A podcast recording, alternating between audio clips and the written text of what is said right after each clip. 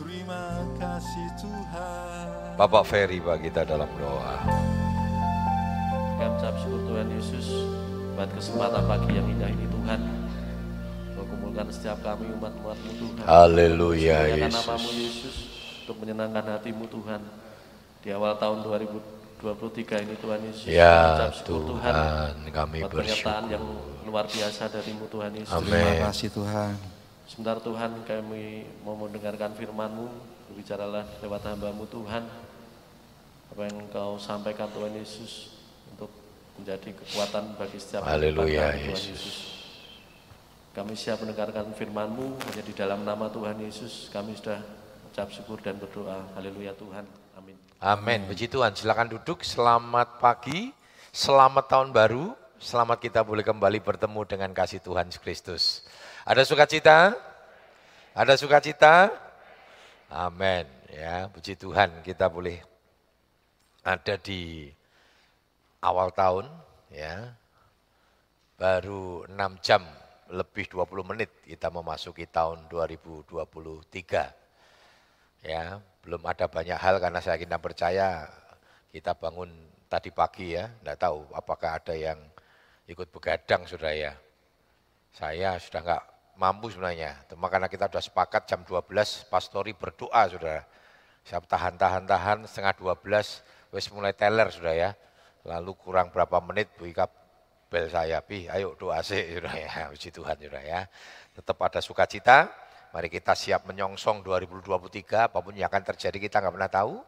Tetapi satu hal kita percaya, seperti firman Tuhan minggu eh, kemarin ya, bahwa janji Tuhan pasti digenapi. Puji Tuhan, firman Tuhan pada pagi yang indah ini, berkatmu selalu baru setiap hari. Ratapan 3, 22 hingga 23, saya undang kita bangkit berdiri, kita akan membaca ayat ini bersama-sama. Ratapan 3, ayat 22 hingga 23. Ya, kita akan baca bersama-sama.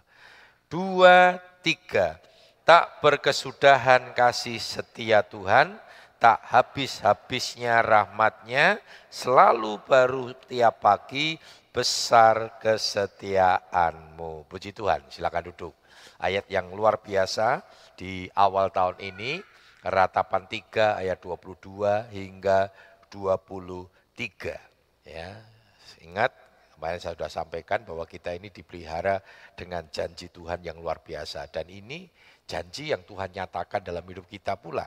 Jadi di tahun yang baru di ibadah sulung kita Tuhan menyatakan janjinya kepada kita ya. Yang pertama apa Sudah dikatakan bahwa kasih setia Tuhan yang tak berkesudahan itu akan memelihara umatnya, akan memelihara orang percaya. Sekali lagi orang percaya. Jangan pernah mengklaim janji Tuhan. Tidak terjadi dalam hidup kita. Bukan ada di kesalahan Tuhan. Karena Tuhan tahu mengenapi janjinya. Tuhan tahu memenuhi janjinya. Tuhan tahu menepati janjinya.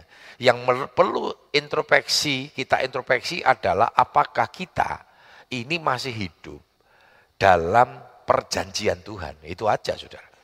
Ya, kalau Tuhan nggak perlu kita klaim karena janji Tuhan itu luar biasa. Seperti janji Tuhan ini bahwa kita akan dipelihara orang-orang percaya. Ingat saudara ya, jadi pemeliharaan janji-janji Tuhan yang kita dengar melalui firman Tuhan itu hanya diberikan kepada orang-orang percaya. Itu fasilitasnya orang-orang percaya. Bagaimana mungkin saudara nggak percaya sama Tuhan lo minta nuntut janji Tuhan. Seperti orang Israel. Dia tidak pernah percaya sama Tuhan tetapi sering kali dia nuntut janjinya Tuhan.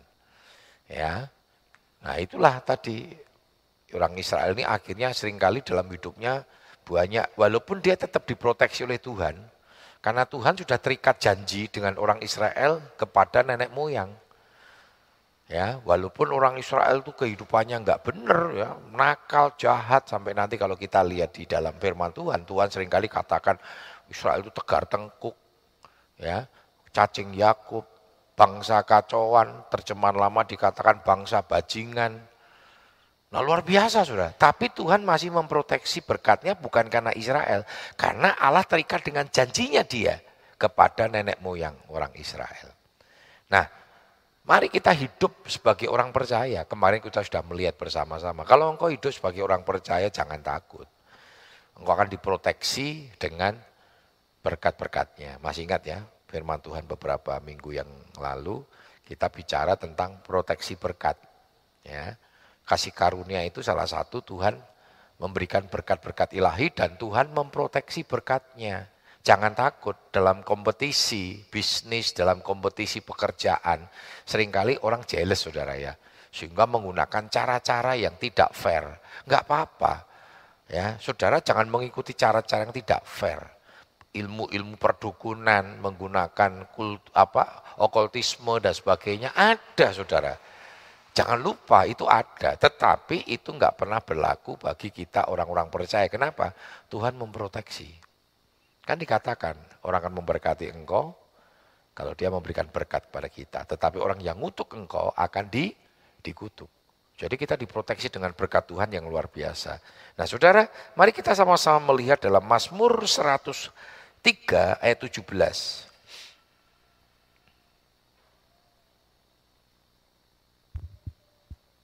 Mazmur 3 ayat 103. Mazmur 103 ayat 17 demikian firman Tuhan.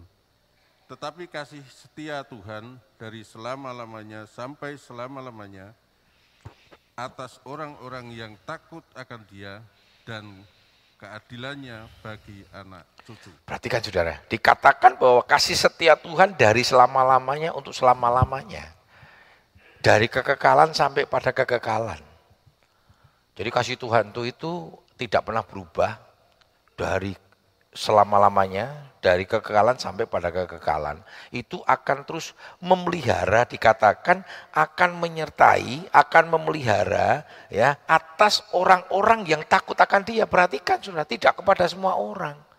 Orang-orang percaya itu adalah orang-orang yang takut akan dia bahkan dikatakan rahmatnya akan menyertai anak cucu di ayat yang lain dikatakan Orang-orang benar, ya ini kesaksiannya, dahulu aku muda, sekarang aku tua, aku tidak pernah melihat anak cucu dari orang-orang benar itu minta-minta roti. Enggak pernah saudara. Kenapa? Karena berkatnya selalu dicurahkan dan Tuhan memproteksi berkatnya. Nah pertanyaannya, buktinya aku setia anak cucuku ora diberkat berkat. Nah kesalahan di kita. Karena nanti kalau kita bicara ulangan apa sudah? Ulangan 6 ayat 4, syahadatnya orang Israel. Tuhan itu Esa. Kita harus mengajar anak cucu kita takut akan Tuhan. Pada waktu berjalan, pada waktu duduk. Makanya kalau doa pada waktu tidur, pada waktu bangun. Makanya di dalam uh, ibadah penyerahan anak, hanya firman itu nggak pernah berubah saudara. Karena dasarnya sama, saya nggak memberikan dasar firman kepada orang tua yang berbeda. Dasarnya podo. Ya, di dalam Samuel itu. Ada dua kan, kenapa kita serahkan anak kita sama Tuhan? Karena anak itu milik Tuhan. Dan tugas kita apa sebagai orang tua? Ngajar takut akan Tuhan. Jangan diajari ngapusi. Jangan diajarkan anak itu hidup tidak sesuai dengan firman Tuhan. Contohnya, gambarnya, teladannya siapa? Kita orang tua. Makanya itu yang saya terus hati-hati saudara. Mengajarkan anak-anak, jangan sampai kita keliru. Anak saya Deo itu, waduh orangnya senang memberi saudara sosialnya tinggi. Dulu waktu masih belum pandemi kan banyak orang-orang jualan di dalam. Memang saya izinkan masuk dalam. Saudara. Kenapa? Kalau di luar, anak-anak kan nggak bisa tahan jajan. Wah itu kan rame, banyak motor-motor. Saya bilang sama saya, oke, okay, tetapi jaga kebersihan tidak boleh, ini batasnya. Ini batas suci, saudara. Umay mah, ruang mah suci itu nggak boleh, saudara. Ya. Yang boleh masuk itu hanya jemaat, ya hanya imam. Wah, nggak boleh. Apalagi masuk ke apa namanya ke pastori saya tuh ruang suci saya bilang bawa jaga ya. Nah dia itu sering kali kalau minggu begitu, pi minta uang, yo. Buat jajan, ya. Balik lagi, pi minta uang. Buat jajan lagi, loh kok jajan wae ya. Sebab kalau minggu itu kok basar ya banyak makanan. Lalu kakaknya bilang, oh, dia itu uang asal dia jajan ada temennya enggak, enggak beli diliatin dia tanya, mau, mau, mau, gitu. Ah, ngambil lo, tak jajak no, saudara. Dan itu berulang-ulang. Dan di sekolah juga sama. Dia pernah minta warna apa? Kestel-kestel, saudara. Pewarna apa namanya itu? Bukan, yang mereknya Kastel dulu, saudara ya. Ya, naik pastel, pastel saya tahu sudah itu enak sudah ya. Bukan pastel gambar, nih saya gambar sudah ini, saya senang pastelnya bukan pastel gambar. Nah dia minta yang paling banyak sudah 100 berapa, besar begitu saudara. Ini saya bilang, Dio yang kecil aja Dio. Enggak yang ini, alasannya pinter sudah. Kan warnanya enggak, anu enggak komplit. Walaupun saya sudah tahu niatan hatinya saudara. Dia beli. Ya sudah, kita belikan. Lalu bagi, apa, besok pagi sekolah bilang, Pi tak bawa iyo. Dio, bawa enggak usah semua. Karena saya sudah tahu niatan otaknya saudara. Enggak usah semua ya, sedikit aja gitu. Enggak Pi, ya masuk kita larang. Papi tahu, kau mesti mau kasih-kasih no. Padahal kan berkat memberi daripada menerima kok. Kok saya Tuhan kok salah. Benar sudah dibawa pulang, dibawa sekolah. Begitu pulang, saya coba buka mbak mamanya, heleh, tinggal berapa biji, 100 lebih itu tinggal berapa biji. Teman-teman juga tahu memanfaatkan mungkin ya. Kebaikan itu. Lalu ditanya, lo dia kok tinggal sedikit? Ya diminta sama teman-teman Nopi. Ada yang bersujud, please, please. Ah, dia kan nggak tega. Masuk terus saya bilang, goblok kamu ya. Pekok kamu ya. Wah dipekak-pekok. Saya pekok bapaknya saudara. Ah, anak nuruni sopo. Maksud saya bilang begitu, saudara. Ya sudah, oh ya sudah, enggak apa-apa. Wong, ya anak kita baik toh, saudara. Amin. Ada enggak yang punya anak seperti saya?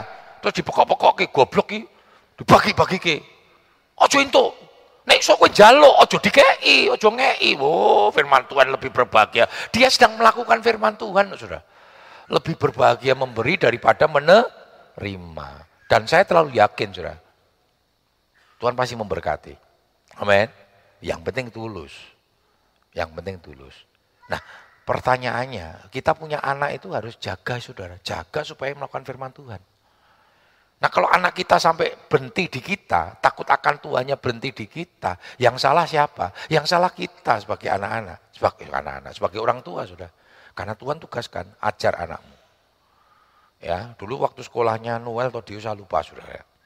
Ya, jadi ada Eh, apa namanya acara out, outing ya, outing ya, outing ya. Nah, outing itu kan banyak orang tua nganter. Ya saya selalu nganter, Saudara. Dan orang tua kan tidak untuk jatah mangan. Kecuali dia bayar. Bayar bayar untuk uh, jadi uh, ikut di mob di busnya, lalu sekaligus untuk uang makan. Nah kalau yang nganter-nganter pakai bawa mobil dewi ya orang untuk jatah mangan. Biasanya di resto ya makan bayar dewi. Jadi pada waktu itu saudara, belum acara mangan, box-boxnya sudah ada. Ada ibu-ibu sudah ngumpul, ibu-ibu sugih, dia mesti bawa mobil sudah. Ngumpul gitu di ruang makan sama ngobrol cekakak cekiki, lalu anaknya itu, jadi ada dua anak tuh bawa apa namanya kerdusan tuh dua dua dua dua renteng sudah dikani dikani gitu ini ini ini ini guru kurang ngerti guru kurang ngerti saya di sampingnya sudah pengen ngoplok tuh benar saudara apa yang dikatakan mamai? Harusnya gini, eh balik ke. Terus, eh gini, gini, gini, pinter le, pinter le, jiko meneh, jiko meneh. Eh diantaran ini, ki wana itu main dari preman, saudara. Lu betul lu saudara. Engkau sudah mendidik anakmu bukan orang yang takut akan Tuhan. Jangan didik anakmu dengan kejahatan. Kalau anakmu tahu kejahatan, ya larang sudah. Tapi bapak ibunya jangan jadi kejahatan dulu, jangan hidup dalam kejahatan dulu. Ini penting saudara. Supaya berkat untuk anak cucu kita itu selalu dilimpahkan. Makanya jangan marah sama Tuhan ketika anak cucumu nggak diberkati Tuhan karena engkau tidak mengajarkan anakmu takut akan Tuhan. Nah, kalau engkau rindu anak cucumu diberkati oleh Tuhan, karena target saya masih ingat sudah, target kita sebagai orang tua bukan anak kita lulus, bukan anak kita pinter, anak kita sugih. Buat apa sugih nggak masuk surga sudah? Tapi target kita kalau Tuhan izinkan kita punya anak, didik anakmu takut akan Tuhan, karena itu kunci yang paling besar. Itu yang terus saya jejalkan. Saya cerewet sudah. Saya mungkin lebih cerewet dari Bu Ika. Ya, saya cerewet. Tapi kalau saya sudah ngomong keras. Makanya saya sering kali ngomongnya ke ibu Bu Ikanya sudah ya, ke mamanya. Ya anakmu, bismillah dong. Siap sekian ke mana ini? Dia ada, ada ke mana? Oh, saya paling cerewet saudara. Saya paling cerewet. Sebab kalau saya nanti yang sudah ngomong, waduh saya keras sudah, saya keras, saya keras, saya, saya belajar nahan diri lah, saya nahan, nahan diri. Kenapa? Saya punya tugas, didik anak itu takut akan Tuhan, ya, supaya anakmu diberkati oleh Tuhan. Amin. Rindu anak cucu kita diberkati oleh Tuhan. Didik anakmu untuk takut akan Tuhan. Ajarkan anakmu untuk mendidik anaknya nanti cucu kita takut akan Tuhan dan terus sudah terus berputar. Maka keluarga kita akan diberkati oleh Tuhan. Ya, keluarga kita akan diberkati Tuhan karena kasih setia Tuhan itu sampai kepada anak cucu kita terus bergenerasi bergenerasi karena Tuhan itu kasih setianya selama lamanya. Ya, selama lamanya. Nah, saudara ber, bersyukur itu yang paling penting, saudara. Kita harus belajar bersyukur atas kasih setia Tuhan. Tidak boleh lupa. Bersyukur itu yang pertama menyatakan bahwa Tuhan itu baik. Ya, bersyukur itu kan menyatakan bahwa Tuhan itu baik. Yang kedua menyatakan bahwa kita belajar rendah hati. Karena hidup kita itu karena kasih setia, bukan karena kehebatan. Jangan seperti orang-orang sombong nih, bukan nesar yang sering kali saya sampaikan. Kenapa sering kali kita lupa? Apalagi tingkat keberhasilan itu sering kali membuat orang lupa. Lupa. Makanya ada istilahnya Pak Karno itu bagus sudah, jas merah. Apa itu? Jangan lupa sejarah. Enggak boleh dari mana kita berasal. Makanya keluarga besar saya sering kali saya ingatkan sudah, didik anakmu kerja keras. Kenapa? Keluarga kami diberkati, memang kami keluarga yang diberkati, keluarga besar dari mama kami ya. Tapi nggak boleh lupa, itu karena kerja keras dari nenek saya dan kakek saya, walaupun kakek saya belum kenal Tuhan. Kakek saya itu kalau orang Cina itu orang kungfu, ya. dia tukang kayu. Pertama datang ke Indonesia, yo jadi tukang kayu kasar sudah, tukang kayu kasar, jago tukang kayu. Sampai nanti dia apa namanya uh, membuat kayu-kayunya timbangan ya timbangan besar itu sampai akhirnya punya pabrik timbangan dan keluarga besar dari mama saya itu yang cowok-cowok kebanyakan eh, perusahaan pabrik timbangan sudah kalau yang cewek-cewek ikut suaminya ada yang jadi kontraktor berbagai macam lah berbagai macam. Dan diberkati semua dan diberkati. Saya bilang begini didik anakmu takut akan Tuhan dan jas merah jangan lupa sejarah. Karena keluarga kami berhasil itu bukan karena memang balung gajah ya. Balungnya balung ketek saudara. Karena usaha jadi nenek saya dulu waktu masih kecil untuk anaknya banyak saudara zaman dulu kan anaknya banyak. Yang lahir sepuluh. Saya ora dadi papat. Kan gitu saudara ya dulu gitu ya yang dari dari dulu istilah trek mati di kandungan atau karena kurang gizi lahir mati itu ada empat atau enam malan dan hebatnya lagi saya ini punya pantaran Pak Lek saudara ya Om. Jadi waktu mama saya melahirkan nenek saya melahirkan. Kakak saya ini, tante saya itu yang paling kecil sama kakak saya, tua kakak saya enam bulan. Ya. Wan orang dulu nekat-nekat sudah ya. Saya nggak tahu itu, sehat-sehat sudah. Bu Ika ini papahnya 18 bersaudara, itu kesebelasan sudah main semua sudah. Sisa cadangannya, cadangannya 6, papahnya sudah. 18 orang. Ya, tapi memang dari papahnya ini orang kuat ya, karena neneknya, kakek neneknya apa perusahaan roti di kota kota uh, Jakarta, saudara. Nah, saudara, kita harus bersyukur, jangan sombong, jangan sombong. Bahkan ketika engkau diberkati, itu yang perlu kita jaga. Seringkali berkat itu mendatangkan kesombongan. Kalau surga nggak jaga.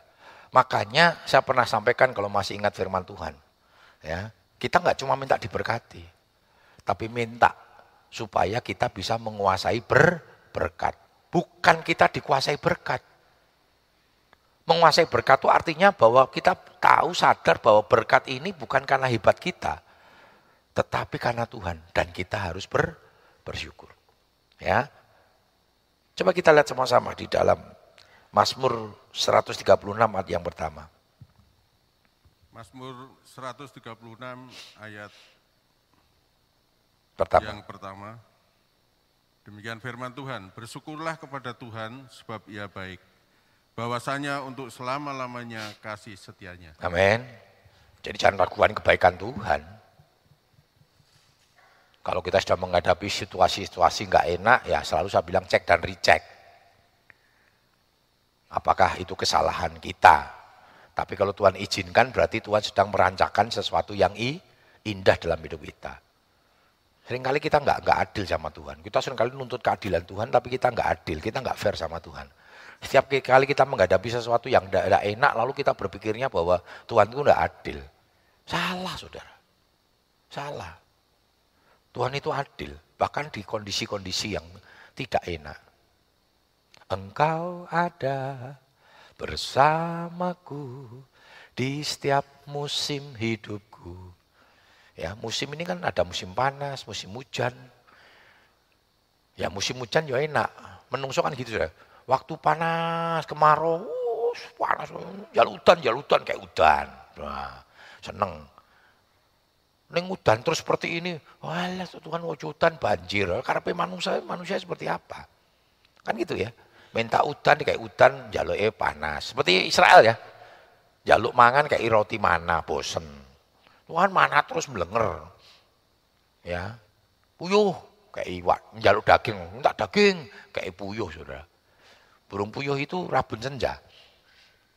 Kalau malam terbang nabrak-nabrak sudah. Nah itu, jadi sore-sore hari itu nabraki kemai bangsa Israel. Lihatin burung puyuh, wah kayak kesetanan sudah. Wadah yang langsung tek caplok, karena kecil sudah. Nek burungnya burung merpati kan piye keloloten sudah. Raiso, burung puyuh tek plok. Akhirnya banyak orang hari itu mati ke kekenyangan. Nah itulah tadi. Orang Israel itu sebenarnya, waduh, untung saya bukan Tuhan. Nek saya Tuhannya orang Israel, pites-pites, saudara. Kurang ajar banget. Ya, tapi Tuhan masih terikat dengan janjinya, luar biasa, saudara.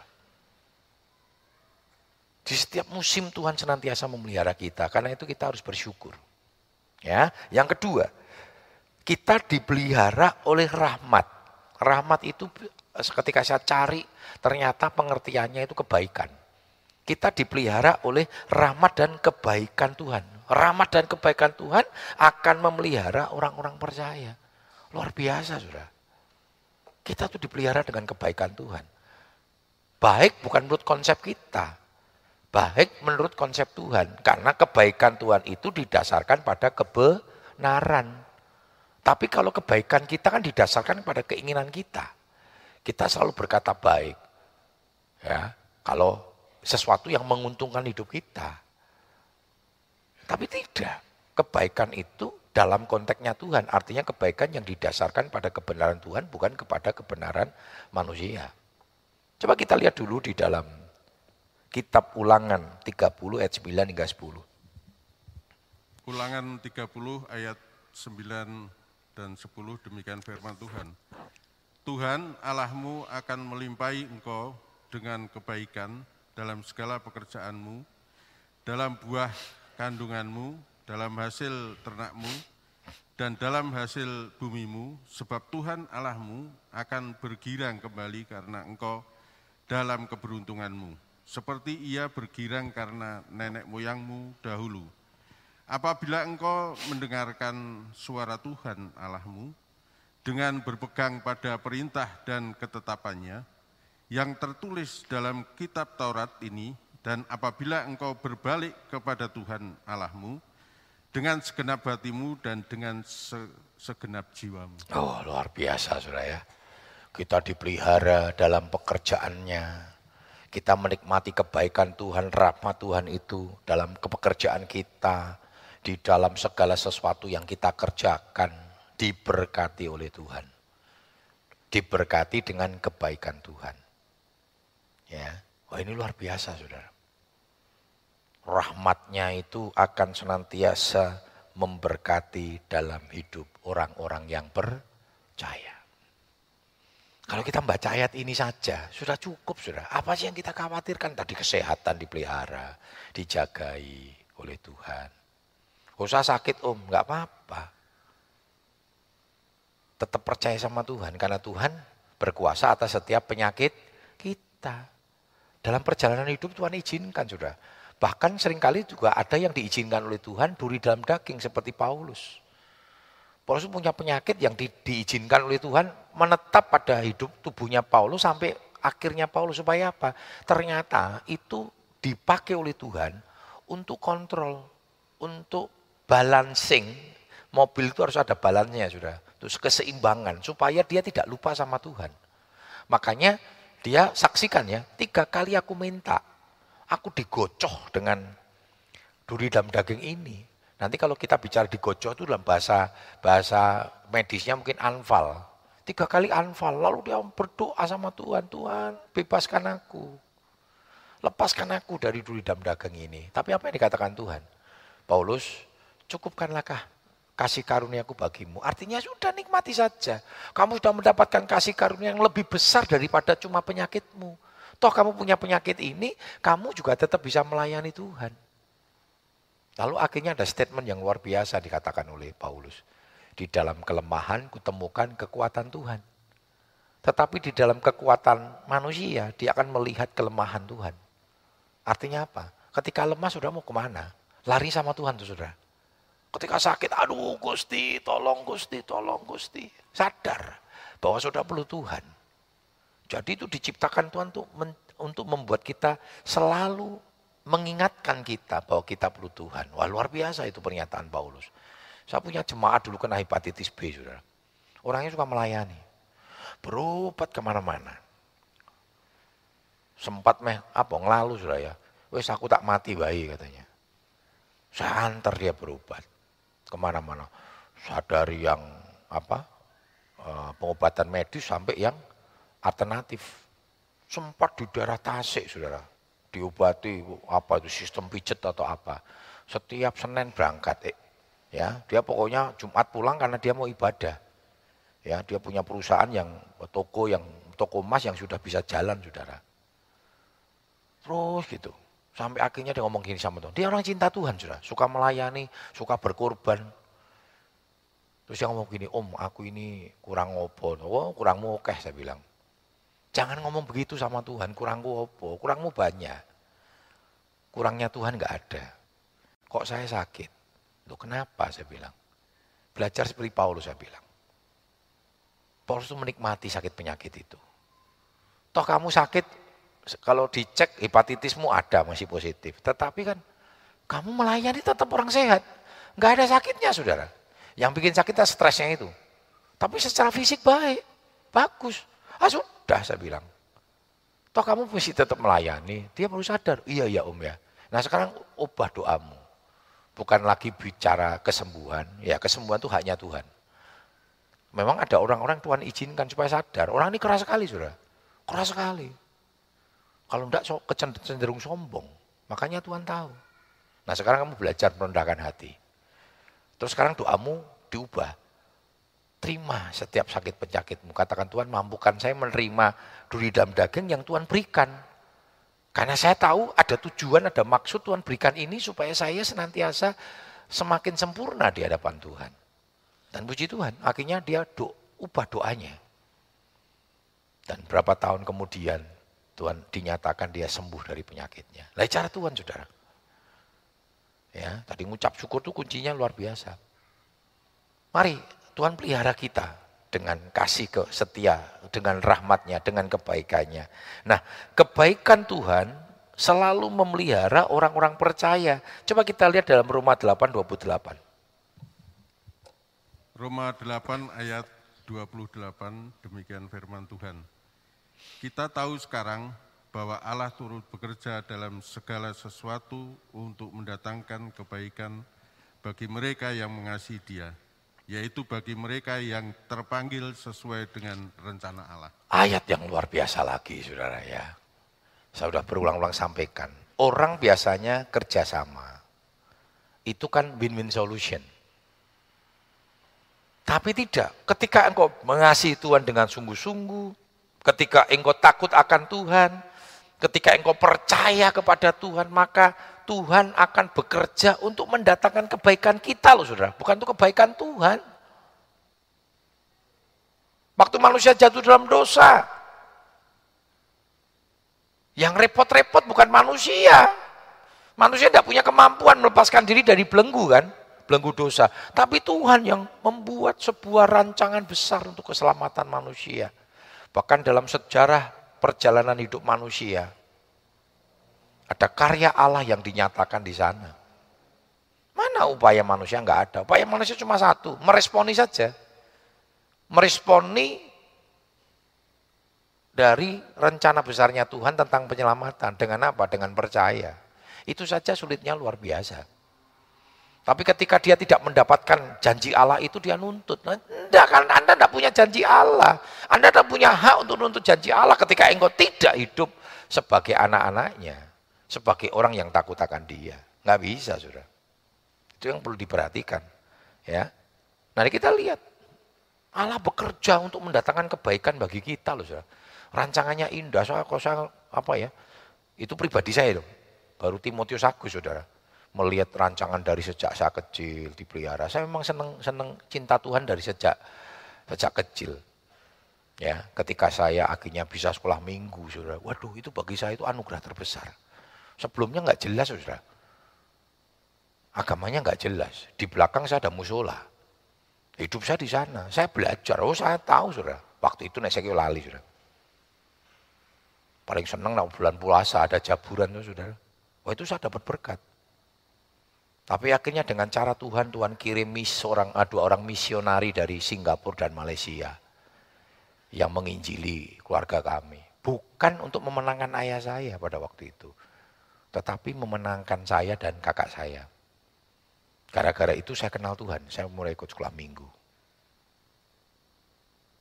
Coba kalau nggak ada misi, saya nggak tahu. Saya mungkin bukan bukan lagi jadi pendeta sudah hari ini, mungkin di pihak yang lain. Tapi cara Tuhan. Dirancang dari masa kecil ya. Saya ini sakit-sakitan saudara dulu. Tidak gendut sekarang ini udah kurus meneh sudah ya. Dulu 110 ya. Saya sakit-sakitan. Sakitnya watuk, sebulan sekali watuk saudara. Saya punya dokter itu, dokter Lukas yang dulu pernah jadi pimpinan apa direkturnya rumah sakit Panti Waluyo itu, itu sudah lengganan. Dan kalau sudah sakit, mengik sudah. Ik, ik, waduh, sakit saudara. Gembala muda mes kurus, elek, iteng, mengik meneh. Betul sudah, udah ngik gitu. Ngik gitu. Dan itu, waduh, itu penyakit, penyakit, penyakit yang saya batuk itu enggak. Tapi Tuhan tolong dalam perjalanan saya ya, itulah hidup. Terus SMP, SMA dengan berbagai macam hal kalau diceritakan, waduh, banyak saudara. Kalau boleh tiba sampai hari ini, itu ada karya Tuhan, rancangan Tuhan ya. Alam merendah hidup kita itu dahsyat dan kita nggak pernah mampu saudara. Karena itu bersyukur. Dan jangan takut, rendaan Tuhan belum selesai untuk hidup saya kan. Karena hari depan saya masih ada sudah. Dan Tuhan akan membuat menjadi indah lagi. Kalau saya terus konsisten takut akan Tuhan. Ya. Yang ketiga, berkat Tuhan. Tadi kasih setia, yang kedua kebaikannya memelihara kita, dan yang ketiga berkat Tuhan selalu baru setiap hari untuk memelihara kita. Selalu baru, kata baru itu fresh, seger, ya, enggak kadaluarsa, enggak expired. Berkat Tuhan tidak pernah expired, selalu up to date untuk hidup kita. Coba kita lihat dulu di dalam bilangan 5 ayat 24 hingga 26. Bilangan 6 ayat ayat 24 sampai 26 demikian firman Tuhan. Tuhan memberkati engkau dan melindungi engkau. Tuhan menyinari engkau dengan wajahnya dan memberi engkau kasih karunia. Tuhan menghadapkan wajahnya kepadamu dan memberi engkau damai sejahtera. Bisa katakan amin dipelihara, dikatakan Tuhan memberkati engkau, melindungi engkau, menyinari dengan wajahnya, memberi engkau kasih karunia. Wah luar biasa sudah. Diberkati dengan berkat yang baru setiap hari, jangan takut. Stok berkat di surga itu nggak pernah habis untuk kita. Tuhan akan curahkan secara berkecukupan. Nah cukupnya itu kan berbeda-beda sudah. Tapi cukupnya pasti meningkat. Kenapa? Kalau kita belajar untuk talenta, talenta itu kan bicara kepercayaan. Ada yang dikasih dua, ada yang dikasih satu, ada yang dikasih lima. Diberikan sesuai dengan kesang, kesanggupan. Yang namanya kesanggupan itu sifatnya progres. Dan itu harus dikerjakan terus menerus. Anak saya, saya mengamati basket ya, anak saya Noel itu membuat klub basket, banyak dikelola oleh Noel dan salah satu pelatihnya juga jemaat kita, lalu banyak juga di antara mereka yang jemaat-jemaat kita, saudara. Nah saya lihat, saudara, kalau sudah mulai malas-malas, saudara, wah, ini akan meningkat. Ada satu anak kita di tempat ini yang dulu nggak bagus. Kemarin saya lihat, oh bagus sekali, kenapa? Latihan terus. Sama hidup kita, kalau sudah nggak pernah jaga itu takut akan Tuhan, hubunganmu dengan Tuhan, ya saudara akan mengalami progres.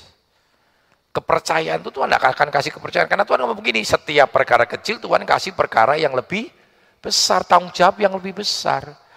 Jadi suruh kerjakan itu dengan sungguh-sungguh sama Tuhan. Nikmati perjalanan hidupmu bersama Tuhan, walaupun sering kali kita menghadapi berbagai macam hal. Tetapi jangan takut. Kita diberkati dengan berkat-berkat Tuhan yang segar, yang selalu baru setiap hari. Ya, karena itu saudara kita jangan takut untuk berkat dari esok. Seringkali yang kita khawatirkan bukan untuk hari ini, hari esok saudara. Padahal hari ini ya esok mangan. Kekhawatiran hari ini kan kekhawatirannya hari esok. Seringkali kan kita hari ini kan oh, sisuk biyo, sisuk. Ternyata ada.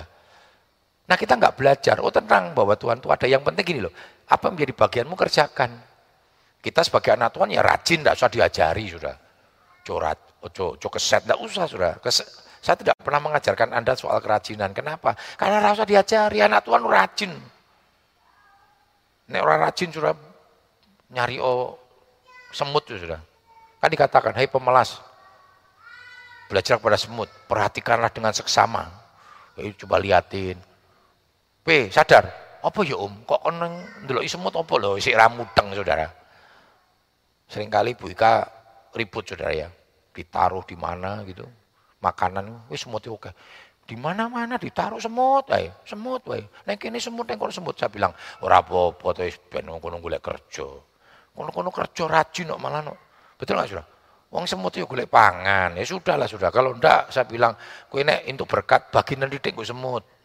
Nah, ya nyemut, nih bagianmu ya, sing iki aja iki bagianmu wae gitu Saudara. Kerjakan bagianmu. Maka Tuhan akan mengerjakan bagian kita. Bagian kita sebagai manusia apa? Percaya, bersyukur. Itu kan bagian kita. Ya. Dan jangan pikir hari esok, karena sudah nggak punya kekuatan untuk hari esok. Ngapain kita kuatin untuk sesuatu yang kita nggak punya kekuatan? So kan nggak pernah terjadi, tahu apa yang terjadi hari esok. Hari esok, kalau hari ini kita diberkati dengan berkat yang baru, besok itu berkatnya fresh, berkat yang baru, dengan cara Tuhan, piye yo, piye yo, kontraan kuntek misalnya. Yang penting kerjakan bagianmu, nanti waktu tiba waktunya pasti Tuhan tolong. Itu yang kami selalu alami, saudara. Itu yang kami selalu alami kami menikmati berkatnya Tuhan yang fresh. Kadang berkatnya Tuhan, kitab Mazmur katakan apa? Membuat kita terheran-heran. Satu kali saya sudah nggak lagi ngajar di Kalam Kudus karena kesibukan pelayanan. Sehingga efek yang kami rasakan apa? Bayarnya full. Padahal ini sekolah mahal sudah di kota Solo. Bayarnya full. Lalu pada waktu itu eh, kalau Dio Noel dulu masuk TKA dulu ya setengah tahun ya TKA eh itu TKA black group ya black group A. Terus baru B. Saya bilang sama Bu Ika wis Dio dileboki langsung group B. Weh rasa group A nek ndek ben kan Noel orang bayar orang saya guru sudah. Akhirnya kita tanya-tanya itu. Masih setengah tahun kita tanya-tanya ke sekolahan. Nah kan kenal semua saya dulu ngajar di sana. Pak Tim mau apa? Enggak, ini anak saya mau tanya-tanya persyaratan, gimana biayanya. Lalu dia ngomong, udah Pak Tim, anaknya dimasukin aja, so minggu apa namanya itu, ini langsung dimasukkan aja. Saya mau bilang randuidit kan isin-isini Gusti Yesus ya. Cuma saya sedang tidak beriman, anak saya memang masuk masuk hari itu. Oh, enggak nanti plek lube, kasihan anak kita seneng coba lihat video, diajak langsung pinter ditarik, ayo diajak keliling sudah. Wah, observasi apa? Observasi sekolahan, langsung keluar-keluar dia gini, Mi, Pi, mau ke sekolah, mau sekolah. Sekolah ya Pi, katanya. Waduh, sekolah ki ya enak le. Bayar uang pendaftarannya itu loh. Waktu itu berapa ya? 6 juta ya kalau nggak salah ya. Harus bayar 6 juta sudah. Patim masuk dulu. Yo se aku rung siap ya saya bilang. 6 juta iku rasa. Hele Pak Tim koyo sapa wae. Pak Tim kan mantan guru di sini. Wes bayare setengah tahun. Jadi setahun sak yuto, eh setahun, sebulan satu juta, wis tenang wae. Enak wae sebulan sak yuto perintisan ya saudara. Ya tapi ya sudah. Ya sudah Pak Tim tidak apa-apa. Ya sudah karena anaknya mau, ya saya bilang sama Tuhan, Tuhan, ya Tuhan yang tahu lah. Saya tuh minta sama Tuhan terus udah pekewo sudah. Tuhan yang tahu ya. Dan Tuhan pasti nggak permalukan. Dikasih waktu enam bulan sudah. Dan saya terlalu yakin Tuhan akan permalukan. Sebelum enam bulan pasti sudah lunas. Dan puji Tuhan saudara. Yang saya khawatirkan karena nanti Raiso karena 6 juta sudah. Maksud saya kalau tahun ajaran baru nanti kan saya masih ngumpul-ngumpul gitu sudah. Ya sudah, jalan saja. Enggak sampai seminggu sudah. Saya dapat berkat pas 6 juta. Langsung cepat-cepat saya bawa. Karena saya tahu ini berkat bukan untuk beli baju buat saya, ganti HP, bukan saudara. Karena saya tahu 6 juta pas, berarti kan untuk sekolah anak saya. Langsung saya berangkat ke sekolah sama istri saya, yuk bayar ke, bayar ke. Langsung kepala sekolah, bagian keuangan, lu Fatim, 6 bulan ngapain? Daripada 6 bulan nanti hilang duitnya, nah ini memang ini uang untuk uang sekolah. Sudah. Jangan takut saudara, amin. Jangan berpikir seperti orang miskin, walaupun realitanya kalkulasi kita, kita duit duit, tapi percaya stok berkat kita di surga melimpah dan selalu diberikan secara baru, fresh. Baru itu artinya untuk kebutuhan kita apa pun, saudara. Berkat itu selalu ada, amin. Tapi kuncinya yang untuk kita apa, saudara? Hiduplah. Apa yang menjadi bagianmu, ya jadilah kerjakan itu. Memuliakan dan mengagungkan Tuhan. Ya, puji Tuhan, saya tidak panjang lebarkan firman Tuhan. Hati kami bersyukur Tuhan, kalau di ibadah sulung ini, kami diber, dibekali dan diberkati dengan kebenaran firman-Mu yang memelihara hidup kami. Kami dipelihara dengan kasih setia Tuhan. Kami dipelihara dengan rahmat dan kebaikan Tuhan. Bahkan kami dipelihara dengan berkat-berkat yang selalu baru setiap hari, yang selalu fresh setiap hari, yang selalu up to date. Ampuni kami, sering kali kami tidak hidup sebagai orang-orang percaya. Tapi sering kali kami terlalu banyak menuntut keadilan Tuhan, sekalipun keadilan Tuhan adalah keadilan yang luar biasa, Allah selalu memenuhi janjinya. Di hadapan kami ada perjamuan kudus, roti dan anggur. Sebelum kami menikmatinya, kuduskan, sucikan, layakan, sehingga perjamuan yang kudus ini belum menjadi berkat bagi kami sekalian. Kami siap menerima tubuh dan darahmu, hanya di dalam satu nama, yaitu di dalam nama Tuhan Yesus Kristus. Kami sudah berdoa. Haleluya. Amin. Puji Tuhan.